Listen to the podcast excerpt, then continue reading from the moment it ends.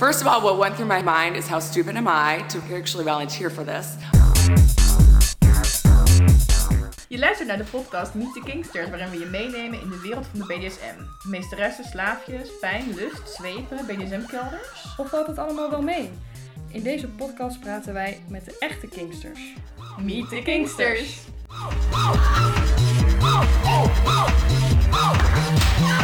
It, it, it was unbelievably painful.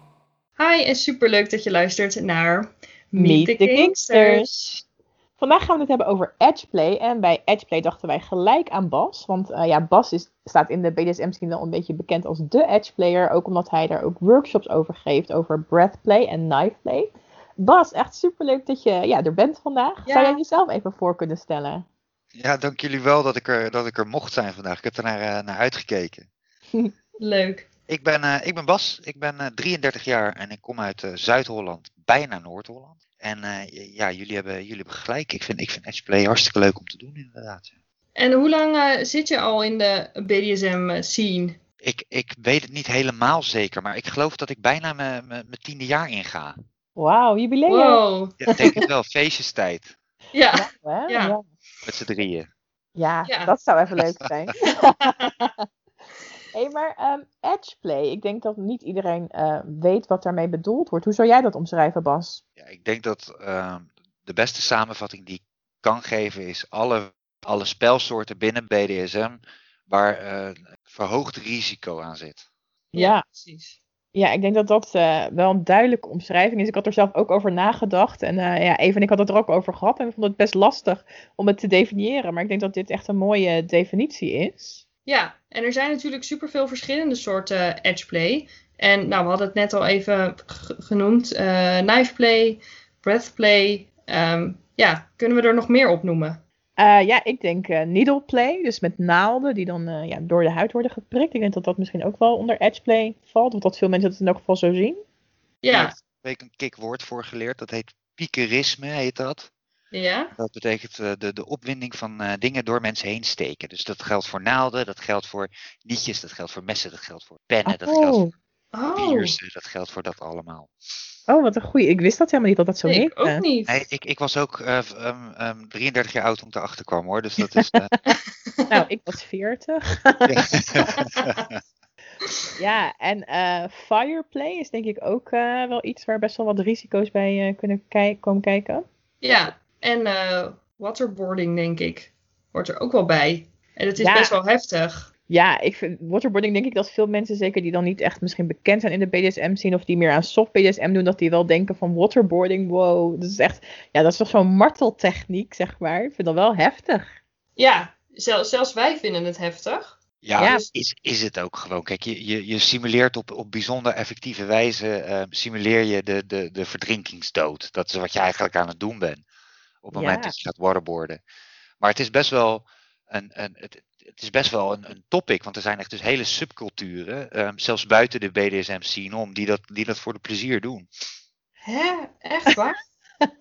Ja, Ja, ik maar ben echt zo verbaasd. nou ja, het geeft wel echt een kick natuurlijk, denk ik, als je dat, eh, tenminste, ik heb zelf ook wel een keer geprobeerd. Dus ja, ik kan me wel heel goed voorstellen dat het echt een kick is. Omdat Ja, dat vond ik ook. Ik heb het ook een keer gedaan, maar ik kan me niet, nou ja, voorstellen dat dat misschien het enige is wat je dan zou doen. Ja, ik wil het ook niet nog een keer. ik eh, twijfel nog. Goed. veel woorden tekst in Guantanamo Bay ook. Dat heb ik liever niet nog een keer. Nee, rood, rood, stop. Ja, laten we het ehm, in elk geval nu eventjes hebben over, ehm, over knife play. Want ik denk dat bijvoorbeeld knife play en breath play zijn misschien de dingen die het meest voorkomen op het gebied van edge play, denk ik. Of niet? Ehm, denk ik wel, maar misschien is het handig om eerst nog even te hebben over, over RAC, over Risk Aware Consensual Kink, voordat we ehm, ja, er wat dieper op ingaan. Oh ja. en ik kende dat helemaal niet. Dus ehm, leggen jullie dit nou eens aan me uit? Ja, eh, RAC staat dus voor Risk Aware Consensual Kink. En eh, dat gaat er dus om dat je van tevoren bewust bent van de risico's die je neemt. Dus eh, als je bijvoorbeeld uh, breathplay gaat doen, dat je dan wel bewust bent van joh, er kan wel iets misgaan. En ja, je zou er zelfs misschien aan kunnen overlijden.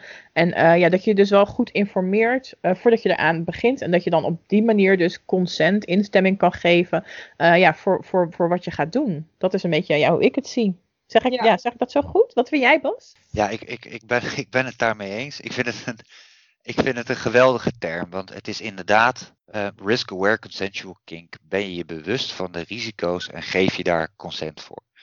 Dat je bewust bent van de risico's betekent vaak ook dat je helemaal niks aan die risico's kan doen.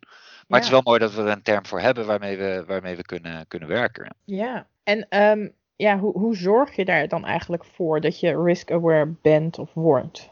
Oh, um, ik denk dat de allerbelangrijkste factor is dat je altijd aanneemt dat je niet alles weet. Ten alle tijden een feilbaar mens bent. En hoe, hoeveel verstand je er ook van hebt, dat, je, dat het nog steeds mis kan gaan. En als je de hele leven niks anders doet en je bent echt herenmeester over, over, over het soort spel wat je doet, dan verdwijnen die risico's niet. En ik denk dat ervaring de grootste uh, vijand is van je risk awareness. Uh, ik zie vaak mensen die net begonnen zijn, meer risk-aware zijn dan mensen die het tot 20 jaar doen, terwijl het eigenlijk andersom zou moeten zijn. Oh, omdat ze dan gewoon denken, oh, nu kan ik dit heel goed en dat ze dan ja, wat minder scherp zijn? Ja, zo van het gaat tot 20 jaar goed, dus mij gaat niks uh, gebeuren. Ja, dat, dat is waar het misgaat natuurlijk. Ja. ja. En ja, ik denk dat het ook, uh, ja, dus van tevoren ook belangrijk is als je dit soort activiteiten gaat doen, om daar ook wel informatie over op te zoeken. Ja, zodat je, zodat je ook daadwerkelijk weet wat er dan mis kan gaan. Dat je als je knife play gaat doen, uh, dat je dan ja, misschien. Ja, hangt er een beetje van af, denk ik. Ja, weet je, je kan natuurlijk altijd per ongeluk iemand snijden. En dan zijn er natuurlijk plekken waar je dat liever niet wil, denk ik. Jazeker. Maar waar, waar vind je deze betrouwbare informatie? Dat is heel erg lastig. En daar gaan heel veel discussies rond. Um, ik denk dat je het best kan vergelijken met je EHBO-cursus. Mensen die EHBO-cursus gedaan hebben, of mensen die al een tijdje in het bezit zijn van EHBO-diploma's, die weten ook dat die opleiding die ze toen tijds gehad hebben voor de EHBO-diploma anders is dan dat die nu is. Ja. We veranderen namelijk, we krijgen nieuwe informatie waardoor bepaalde behandelingen anders worden. Nou, dat geldt voor kink net zo. Um, um, daar krijgen we constant nieuwe informatie waar je weer naar kan handelen. Dus op het moment dat je denkt dat je klaar bent met leren, dan zit je eigenlijk mis. Want je, er is altijd informatie te krijgen. Nou, betrouwbare, de meest betrouwbare informatie gek genoeg. Want ze vragen wel eens, ik zie het wel eens op, een, uh, op, op, op het, uh, op het uh, bekendste kinky forum op, op Vetlife, zie ik wel eens mensen met 20 jaar ervaring vertellen hoe ze het doen. En dan iemand vragen, ja, maar je bent toch geen dokter? ik mag hopen dat het geen dokter is, maar iemand die verstand heeft van hetgeen wat hij doet. Ja. Ja. Ik denk dat de mensen met ervaring belangrijke bronnen van informatie zijn, maar neem het nooit aan, ook wat ik zeg, niet als de absolute waarheid. Want uh, doe je eigen onderzoek en blijf ontwikkelen.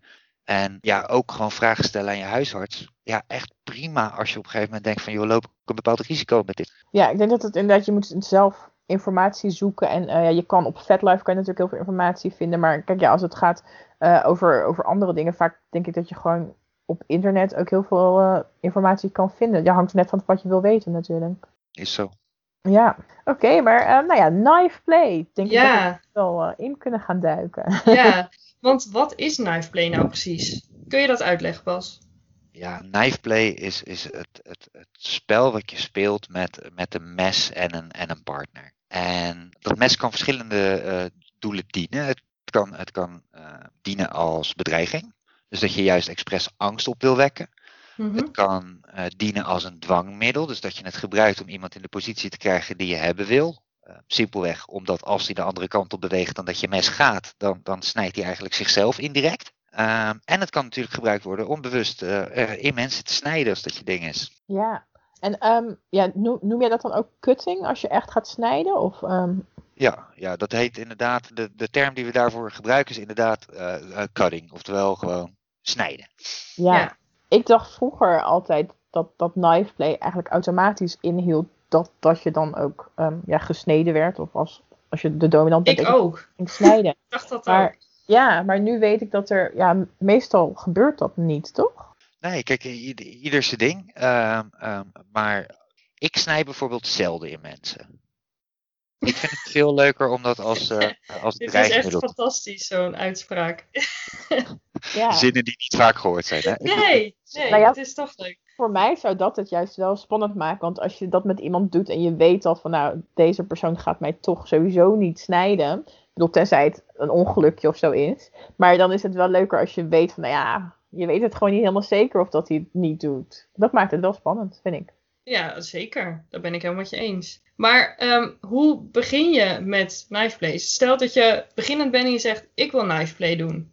Ja, als je, als je denkt van ja, ik, ik wil dat echt, ehm, blijf dicht bij jezelf van waar jij comfortabel mee bent en niet wat je partner graag wil. Want messen zijn nog gewoon nogal gevaarlijke dingen. Ja. Ehm, ik denk dat dat ehm, ehm, het, het belangrijkste is. Gewoon blijf binnen je eigen grenzen opereren, ook als je partner meer wil. En dat geldt natuurlijk twee kanten op, van de dominant naar het onderdanige. Ehm, Ja. Maar ook van de ontvanger naar de gever toe. Andersom precies zo. Ehm, Ja.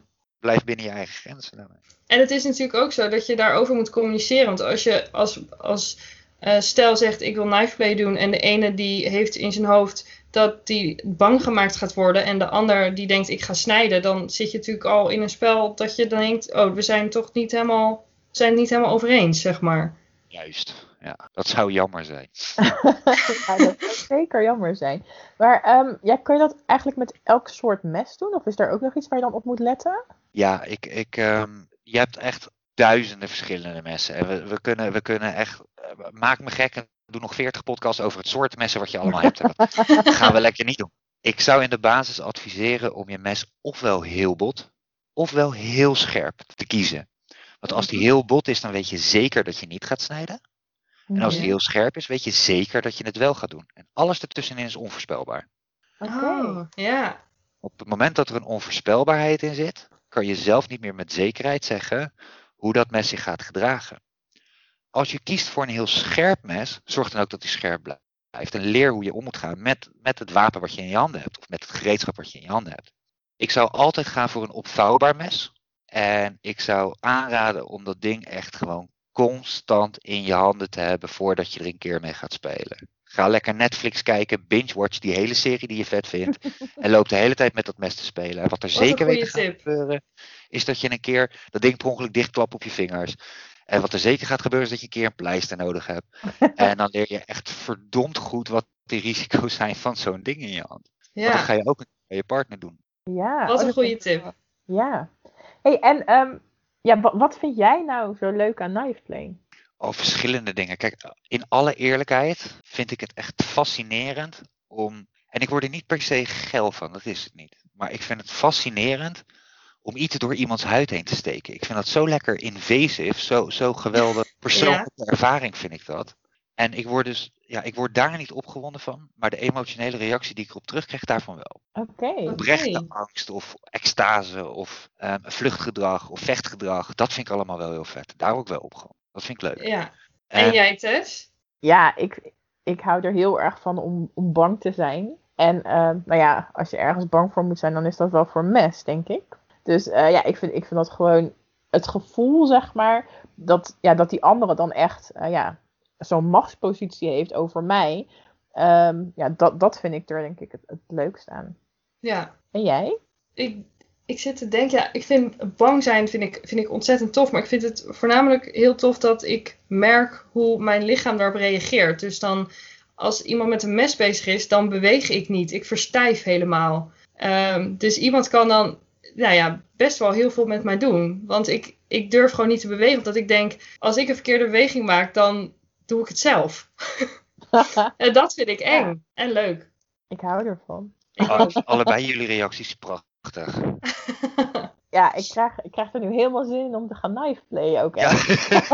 Even voor de Ja, ik gezelligheid, Ja. nou, ik ook. Ja. Hey, heeft, heeft iemand voor jullie ook nog eh, een hele toffe ervaring met knife? Dat je denkt, nou die keer, dat was echt even leuk. Of misschien juist helemaal niet. Oh, Jij ja. mag eerst pas. ja. Oh, dat was, toen heb ik dus, ik heb helemaal niemand, eh, niemand gesneden, maar we waren een weekendje weg toen het, toen het nog kon met lekker veel mensen, weet je wel. Mhm. En toen hadden we dus een weekendje georganiseerd en dat was met vier vrienden. En we hadden dus gezegd, je mag komen, daar mag je je voor opgeven. En dan kiezen wij jou uit om daar dan bij te mogen zijn. Nou, super fancy hadden we dat gemaakt, want eh, ik, ik, ik verzorgde allemaal altijd. En dat was allemaal goed en allemaal fantastisch en noem maar op. En er was een heel leuk vrouw, een goede vriendin van me, die, die, die was toen mee. En ik wist toen nog niet dat het een hele goede vriendin ging worden, want dat was eigenlijk de eerste keer dat ik, er, dat ik haar zag. Oh, wow. En ehm, die kwam dus eigenlijk voor mij, want ik had nog nooit een woord met haar gewisseld, kwam ze dus wel naar dat weekendje toe. En het was sowieso een prachtige verschijning. Ik was gelijk een beetje, een beetje onder de indruk van, van haar als persoon. Ja. Mhm. En toen hebben we dus samen eh, met messen gespeeld, maar ik had er twee vast. En ik heb haar met die messen heb ik haar allemaal kant op gestuurd. En het was meer een soort eh, eh, erotische dans aan het worden dan Wauw. dat ik bezig was met snijden. Maar gewoon puur met die, met die twee messen dat meisje alle kanten op sturen waar ik te hebben wilde. Eh, naar, naar de vloer toe en weer recht overeind en alles ertussenin. Met al die mensen die eromheen zaten te kijken. Het was helemaal stil. Ja, dat was wel, dat was wel hot was dat. Oh, dat klinkt echt wel echt heel gaaf. Ja, was kicken. Ja. En jij, Eva, heb je ook eh, ja, een Nightplay ervaring die je wil delen? Ik zit er echt over na te denken, maar ik denk dat ik het allerleukste vind ehm, als ik een, een eh, mes op mijn keel krijg, zeg maar. Dat, ja. ik, ik merk dat ik het ongemakkelijk vind om dit soort dingen hardop te zeggen. Dat, nou ja. Maar dat vind ik dus heel erg leuk. Omdat ik dan dus dan echt denk, oké, deze persoon kan nu echt alles met mij doen. En ik ben eigenlijk heel benieuwd waarom je het ongemakkelijk vindt om te zeggen. Nou, ik weet niet. Ik denk dat ik het heel kwetsbaar vind om te zeggen. Ik, had er dus niet over nagedacht. Nu zijn we aan het opnemen en nu vind ik dat dus ineens heel kwetsbaar en ongemakkelijk. Maar ja, dat Oh, ik vind. Ik snap ja. dat wel, Eva. Ik, eh, ik, ik, ik denk dat, dat van, de, van, nou, van de acht of negen mensen waarmee ik dan echt wel naar het randje van mijn edgeplay gegaan ben, heb ik, heb ik eigenlijk hetzelfde gevoel als wat ik nu bij, bij jou heb. Dat, dat ze het heel moeilijk vinden om te zeggen van eigenlijk vind ik dat lekker. Ja. Eigenlijk vind ik dat fijn, want het is, nog, het is nogal fucking intiem, is het niet? Van Ja. eigenlijk vind ik het lekker om een mes op mijn nek te hebben. Ja, jezus. Hè, dat, is nogal ja, heftig om nou, te dat. zeggen. Ja, nou dat vind ik dus ook. Ja, wel fijn dat je het wilt delen dan met ons. Ja, Met iedereen die luistert. ja. maar goed, eh, jij Tess, vertel. Ehm, nou ja, ik wil wel een, een wat minder eh, leuke ervaring delen eigenlijk. Er was een keer eh, met eh, ja, iemand, met wie ik toen speelde en die had net eh, een nieuw mes. En ja, daar had hij dus nog niet, met, niet zoveel mee genetflixt, zeg maar. En eh, dus die ging daarmee gewoon over mijn arm. En die trok daar gewoon heel zachtjes wat streepjes. En nou, ik dacht van, oeh, leuk, spannend, spannend. Maar ja, echt een paar minuten later, toen zag ik dus dat er echt allemaal sneeën in mijn arm zaten. Terwijl dat helemaal niet de bedoeling was. Dus dat was echt, ehm, ja, ik weet, ik, weet niet, ik weet niet of jij dat fenomeen kent, Bas. En daar misschien wat over kan vertellen. Dus in de eerste instantie zag je gewoon alleen maar een heel licht krasje. Daarna bleek dus dat het echt open was gegaan en was gaan bloeden. En dat ik Oh, wel, ik vond dat wel naar ook, omdat ik heel snel littekens krijg. En ehm, ja, het was dus echt op mijn arm. Dus dat, ja, dat vond ik niet zo fijn. nee. Ja, rot om te horen, Tess, maar je slaat echt de spijker op zijn kop. Het is echt hij heeft er niet mee genetflixt. Nee. En Nee. net als, net als dat je een nieuwe, nieuwe zweep koopt, of een nieuwe auto, of een nieuwe whatever. Je moet even weten hoe dat ding werkt. En je kan er niet van uitgaan dat je dat gelijk zomaar weet. Dus wat, wat, hij, wat hij gekocht heeft, is gewoon een goed scherp mes van een hoge kwaliteit. Want het zijn hele mooie dunne lijntjes die gelijk gaan bloeden. Dus het ding is hemeltje scherp en super dun. Ja. Perfect stuk gereedschap. Alleen je moet het wel weten. Ja. maar het, het duurde dus echt eventjes. Ik denk wel een minuut of zo voordat het ging bloeden. Ja, dat is ook volkomen normaal. Ehm, je, je huid bestaat uit een aantal lagen. En als je door de opperhuid heen gaat, is er in principe niks aan de hand. Maar als je dan één laagje la- eh, lager zit dan dat, dan heb je dus wel een beschadiging waar jouw witte bloedlichaampjes op willen reageren. En die racen daar naartoe om dat te gaan fixen, omdat je simpelweg een beschadiging opgelopen hebt. Ze kikken dat ze dat Oké. doen, Ja, maar dan gaat bloeden. Want dan gaan ze dat dichtmaken eh, door middel van een korstje. En als ze dat Ja. helemaal netjes voor elkaar krijgen, en dat is afhankelijk van heel veel dingen, dan heb je dus kans op een litteken. En niemand wil een permanent litteken van, van een spel wat de eerste keer, of een pick-up play of zo, dan moet je, ja, dat is verschrikkelijk. Ik zou, ik zou het liefst littekenloos iedereen achterlaten, toch wel, na mijn spel. Ja. Ja. Ja, dus dat is. eh, ja, ik schrok daar ook best wel van. En ik dacht ook, ja, weet je, op je arm is ook zo. eh het, het is zo zichtbaar ook. Ehm, dus ja, dat zijn wel dingen waar je inderdaad eh, mee uit, uit moet kijken. Dus ik vind, daar vind ik jouw Netflix-tip ook wel echt. eh, Ja, ik vond het ook echt een hele goede tip. ja. Hey, maar waar je eh, nou niet per se een litteken van kan krijgen, maar wat wel heel gevaarlijk is, eh breathplay. Daar moeten we het ook even over hebben. Yes. Want, want wat is het precies? Breathplay is, is het eh, wegnemen van zuurstof. Dan wel wegnemen van de functie waarmee zuurstof naar je hersenen ge- ge- getransporteerd wordt. Ja, En hoe, hoe kan je dat doen? Er zijn een aantal manieren. Ehm, we kunnen een, je kan iemand verstikken of je kan iemand verwurgen. En iemand verstikken betekent simpelweg, we zorgen dat er geen lucht meer de longen ingaat. En Mhm. verwurgen betekent, we zorgen dat er geen bloedtoevoer meer plaatsvindt naar de hersenen toe. Oké. Oké. Dus zeg maar, praktisch gezien moet ik dan denken aan bijvoorbeeld een hand over je neus en je mond. En je keel dichtknijpen, denk ik, qua verschillende soorten. Ja, en je kan, je kan iemand zijn luchtpijp dichtknijpen, dan is het nog steeds een verstikking. En als je die ader aan de zijkant van je nek, als je die dichtknijpt, dan is het een verwurging. oké. Oh, ja, en is, is een van die twee gevaarlijker? Nee, ze hebben allebei ehm, ehm, eigenlijk het, het vergelijkbaar risico. Oké. Wat zijn die risico's? Eh, dood. ehm, Zo permanent ook echt gelijk. Knetterdood. Ja. je kan er knetterdood Dood. van gaan. Je hebt ehm, risico op kneuzingen. ehm, van je Kneuzingen? lucht, ja, kneuzingen van je luchtpijp, kneuzingen van je strothoofd, kneuzingen van dat kraakbeenplaatje wat daarboven ligt. Oh, Maar wa- wat, wat merk je daar nou van als je dat gekneusd hebt? Slikken doet vet zeer en je klinkt als Tom Jones. Oh, echt? Oh, Ja. Dat is Ik heb dat wel een keer of acht, negen gehad, denk ik, in mijn leven. Echt waar. Ja, maar meestal omdat iemand er een trap op had gegeven, meer dan... eh, oh, misschien belangrijk, ik heb een vechtsportachtergrond vrij intensief. Daar kom... ik wou wel zeggen. Hoe, hoe dan? ik maak heel vaak fitty op straat. Nee, dus, Nou, zo klonk het wel. nee ik heb, een, eh, ik heb Oh. een, eh, een, een, een professionele eh, vechtsportcarrière achter de rug. Al waar ik bijna... eh, ik, ik ben de aller... nummer één van alle verliezers ben geworden, uiteindelijk. Oh, nummer 1 van de verliezers. Ja, ik heb, ik heb net niet de, eh, meegedaan met de top. Ja, de jongens waren, waren te ruig voor mij. Daar verloor ik. eh, Net, net. ik had er 25 gewonnen en de laatste drie gevechten heb ik verloren en dat was allemaal op dat niveau. Toen was het vrij duidelijk dat dat niveau te hoog gegrepen was voor mij. Oh, maar dat is wel, eh, wel pittig alsnog dan, zeg. Dat Oh, super vet. supergoed. En dus er heeft heel vaak iemand tegen je luchtpijp aangetrapt. De- ik, ben, ik ben echt heel vaak gewurgd. het is MMA, dat, dat doe je in een achthoekige kooi, weet je. En dan mag je dus ehm ehm, gewrichtsklemmen, verwurgingen en stoten en slaan. En ehm, mensen gooien, dat mag allemaal, zeg maar. Dus dan word je regelmatig gewurgd. En mensen proberen natuurlijk te slaan op stukjes waarvan ze zeker weten dat je daarna moeilijker functioneert. Ehm, luchtpijp is daar bijzonder geschikt voor. Maar vond je dat ook wel eens lekker? Ehm, nee, ik was. ehm, nee, het is. Ik snap het, omdat ik natuurlijk nu met edgeplay bezig ben. En ik vind het ook leuk om mensen te slaan en te schoppen. En ik vind het leuk om mensen te verwurgen. Maar ik Mhm. heb echt drie jaar lang de tijd nodig gehad om het los te koppelen van elkaar. Oh, Dat je, het is namelijk, dat hele vechtsport is behoorlijk risk-aware, consensual, niet kinky. ja. Ja, Ehm, maar je probeert natuurlijk allebei de dominant uit te hangen in zo'n kooi. ja. ja, dat klopt. Je En kan je er niet lekker aan overgeven. Nee, nee. Dat Dat is iemand je dan zo gaat burgen, dat je dan, oké, oké, doe maar. Nou, dan zeg je wat, Des, maar dat is dus op een gegeven moment wel zo. Want ik ging dus echt niet aftikken, dus opgeven, op basis van een wurging. Ik ging er tegen vechten, vechten, vechten. En je op een gegeven moment merkt, ik kom er echt niet uit. Nou, ik ga wel knock-out, maak mij maar wakker als het over is. Maar ik ga echt niet aftikken. Oh, maar daar heb ik wel echt meteen een vraag over. Ja. Is het gevaarlijk om eh, bij breathplay om knock-out te gaan? Ja, eh, maar alles wat je met breathplay doet is gevaarlijk. Oké. Een- er is wel een tegenhanger van. En die is ook waar. Ehm, verwurging is dusdanig veilig dat we er een spelletje van gemaakt hebben voor kinderen. En dat noemen we dan judo of Brazilian jiu-jitsu of worstelen. Daar mag je gewoon vanaf je tiende wedstrijd technisch mag je al mensen gaan wurgen. Of vanaf je twaalfde tegenwoordig met judo.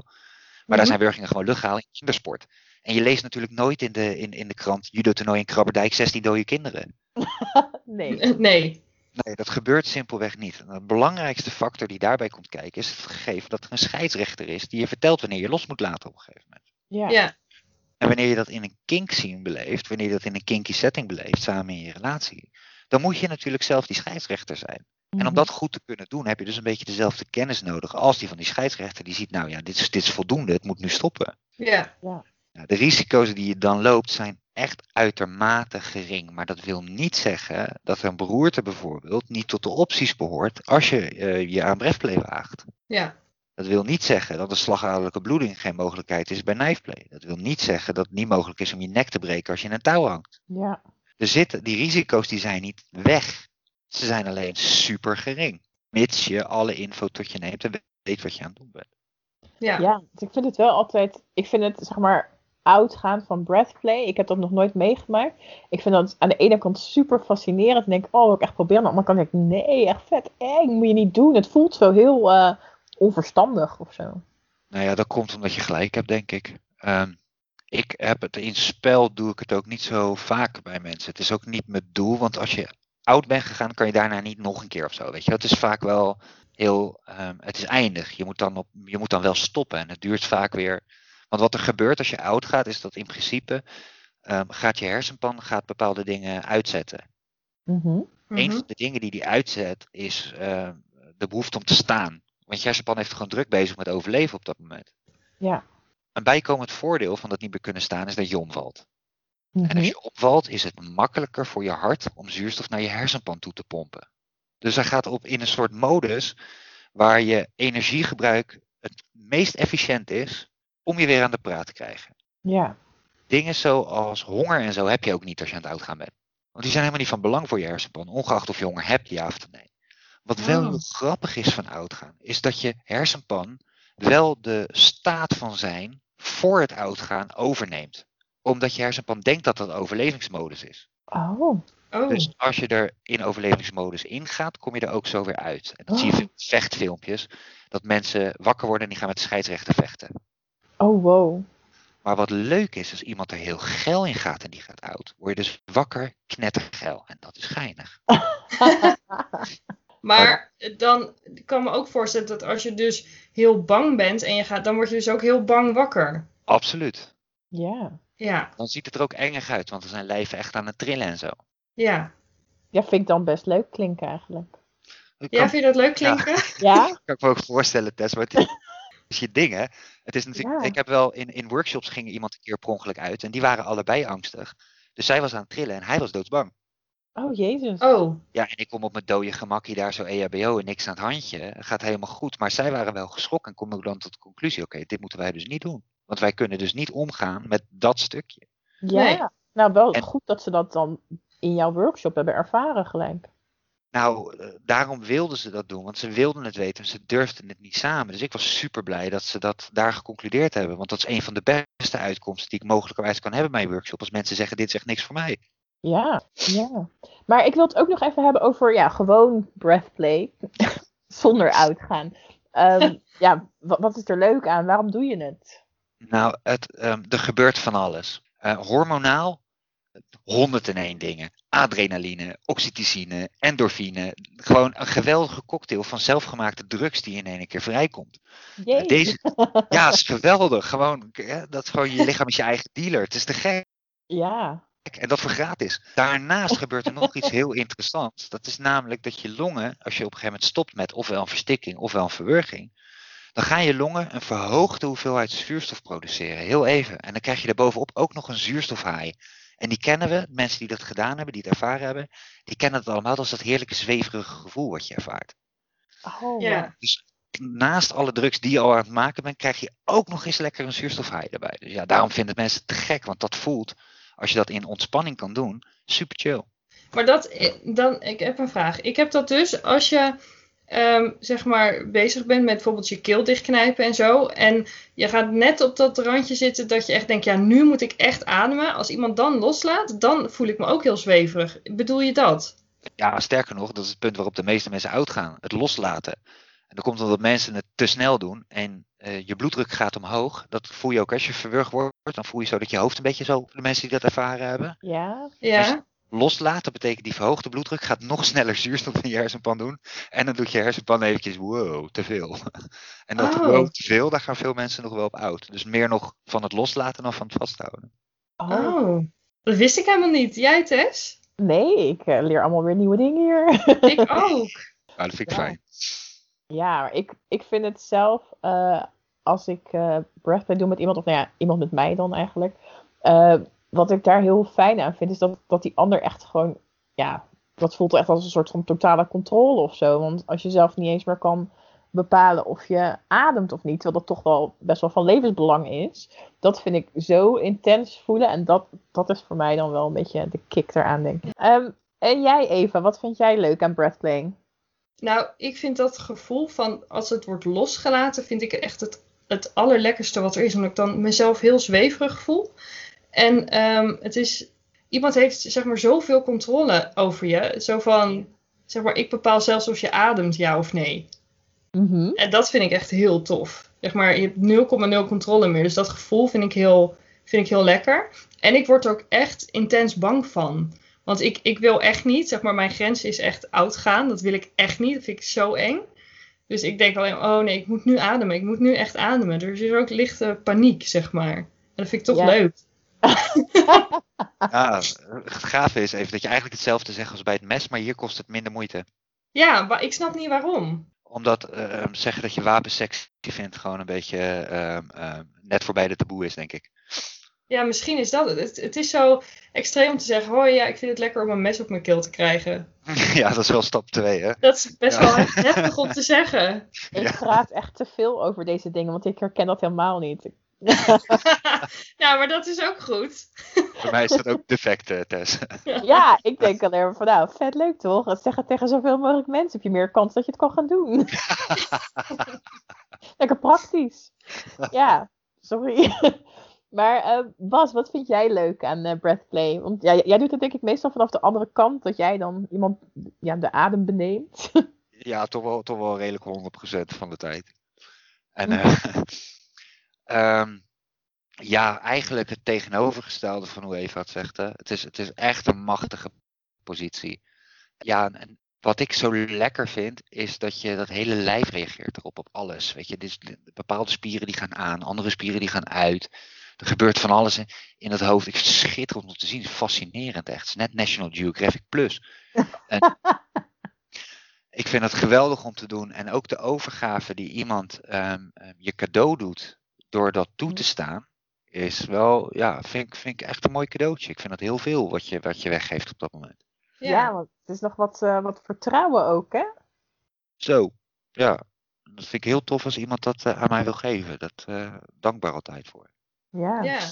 En heb je ook eh, ja, misschien één mooie, toffe, enge breathplay ervaring die je wil delen? Ah, mag ik er twee? Ja, Ja. jawel. Wat te gek. De eerste keer dat ik het met, eh, met, eh, met mijn vrouw, eh, met mijn toekomstige vrouw, we zijn verloofd trouwens. Yay. Met mijn toekomstige vrouw, ehm, de eerste keer dat ik toen breastplay gedaan heb, dat was een beetje een aparte situatie, want in die situatie was ik niet dominant. En dat was op een femdom feestje, al waar ik ook de workshop had gegeven. Mhm. En daar was het niet toegestaan dat mannen dominante dingen gingen liepen doen. En toen zaten we met z'n tweeën in een kamertje en toen vroeg ze zo heel stiekem, zou je mij niet even gauw een keertje kunnen wurgen als niemand kijkt? Dus ik had me vrij dienstbaar, relaxed opgesteld, die workshop gegeven. Toen ik stiekem nog mijn toekomstige vrouw te wurgen in een apart kamertje. Dat zou ik nooit meer vergeten. Dat was heel, heel sexy en intiem was dat ook. Heel Ja. tof. Ja, ja, dat was te gek.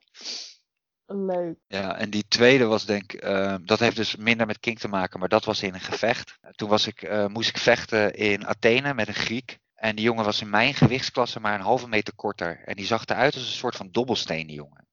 Oh, wauw. Ja. En die was dus kort gedrongen en echt een, een geweldige worstelaar. En mijn hele tactiek was altijd, ik ga iemand op zijn been schoppen totdat hij moeilijk loopt. En dan kruip ik naar zijn rug en dan ga ik hem wurgen. Mhm. Nou, uiteindelijk zie ik dus dat hij moeilijk gaat lopen, want ik had veel meer bereik, was een stuk langer. En, en toen kon ik dus naar zijn rug toe kruipen en ik leg mijn arm om zijn nek om te gaan wurgen. En het enige wat ik hoor is, ik denk dat is niet goed in een gevecht. Oh, Want die man had gewoon geen nek. Dus ik viel helemaal niks te wurgen. Dus daarna Wow. smeet hij me heel de ring door. En, ja, en uiteindelijk eh, eh, wel gewonnen. Maar ik moest even naar het ziekenhuis, want ik had een en het ander gebroken. oh. Hoort erbij, het is een prachtig spelletje. Het is consensual. Risk aware consensual knop. Ja, je Ja. ligt aan de grond.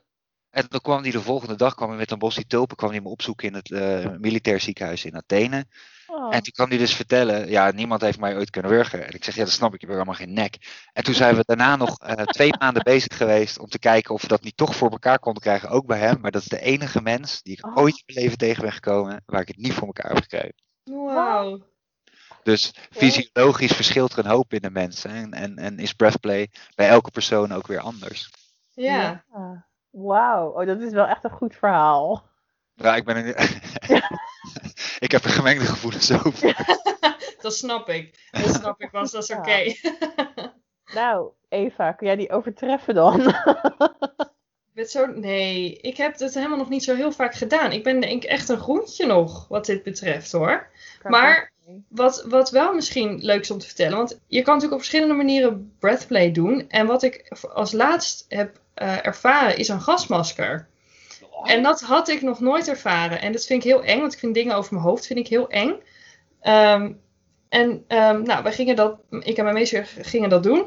En ehm, ik ben op zich vrij rustig als er een hand voor mijn mond of mijn neus komt of mijn keel wordt dichtgeknepen. Want ik vind dat nou, best wel lekker.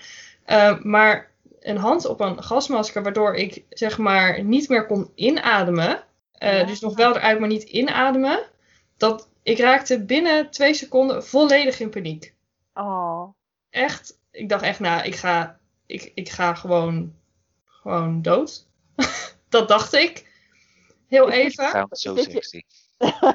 is dit je leukste ervaring of je erg? Ja, want ik vind het dus, ja, daar twijfel ik nog over. Maar eh, ik, ik vond het wel heel tof of zo. Maar ik, ik had niet gedacht dat ik zo zou reageren. Maar ik, ehm, ik heb er alles aan gedaan om dat masker van mijn hoofd te krijgen. En dat was heel kut, want ik had een dwangbuis om. Dus ik kon niet zoveel. Maar ik heb, ja, ik heb Het is niet echt als een topdag dit.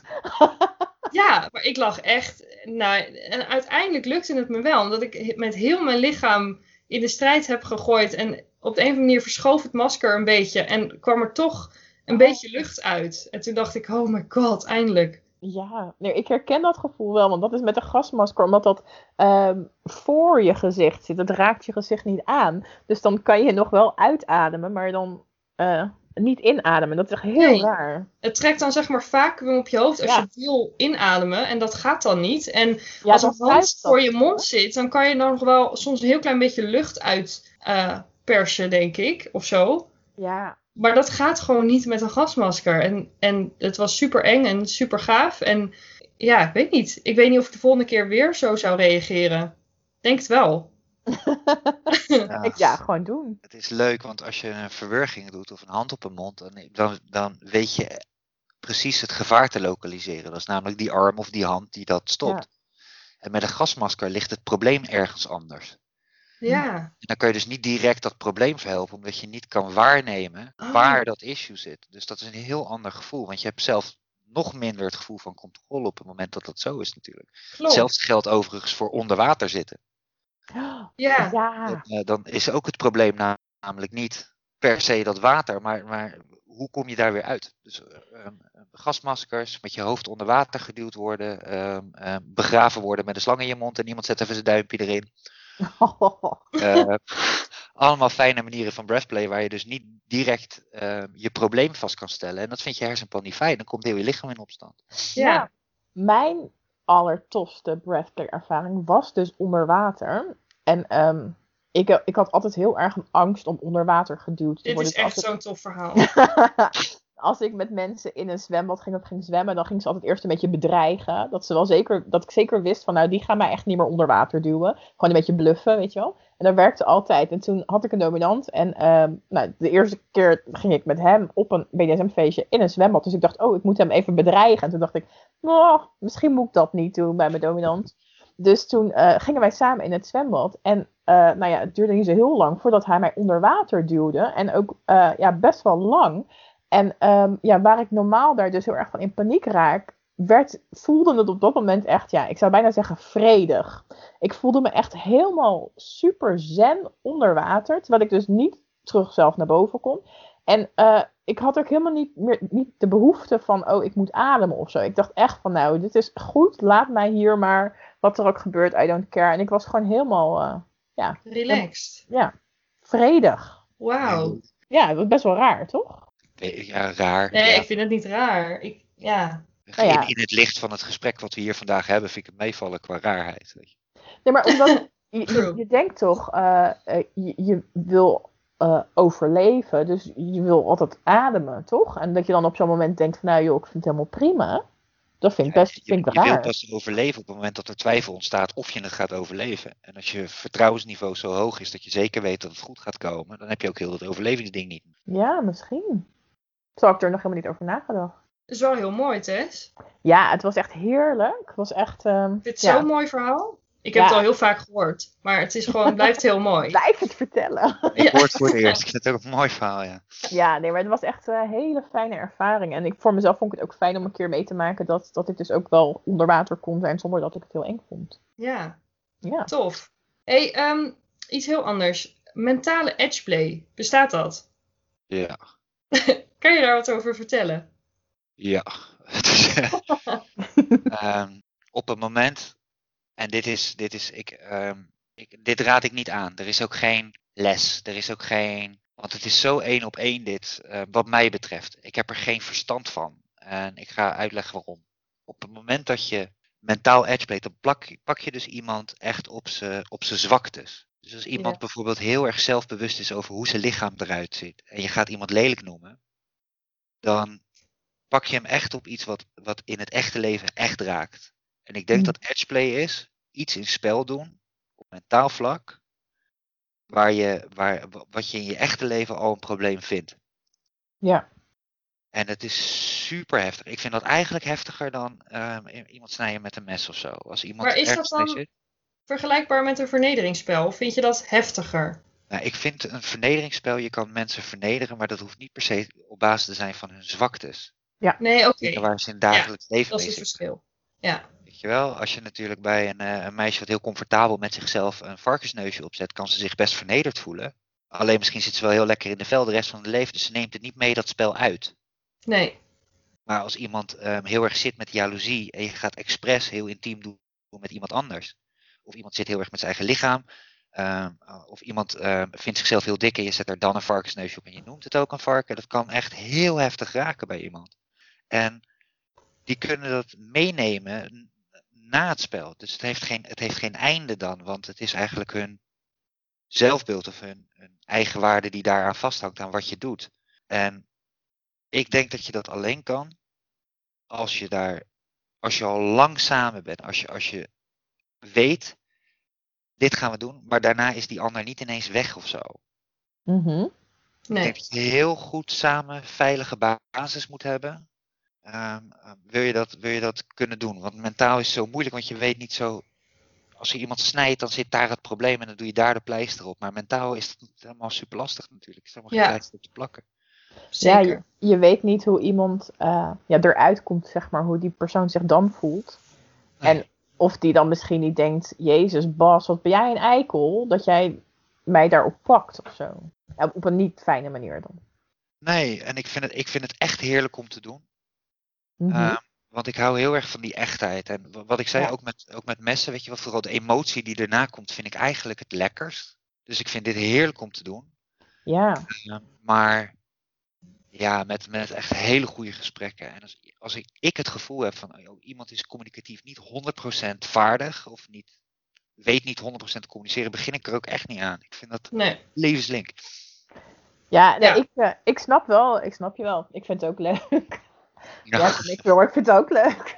Nee, maar, ik ben echt heel erg into eh, vernederingsspel. Dat is denk ik eh, ja, wat ik het leukste vind op, van alle BDSM dingen wat je kan doen. En ehm, voor, voor mij is het juist ook zo dat, dat het beter werkt als het iets is waarvan ik op zijn minst al een beetje denk van, ah ja, is eigenlijk wel een beetje zo, ja.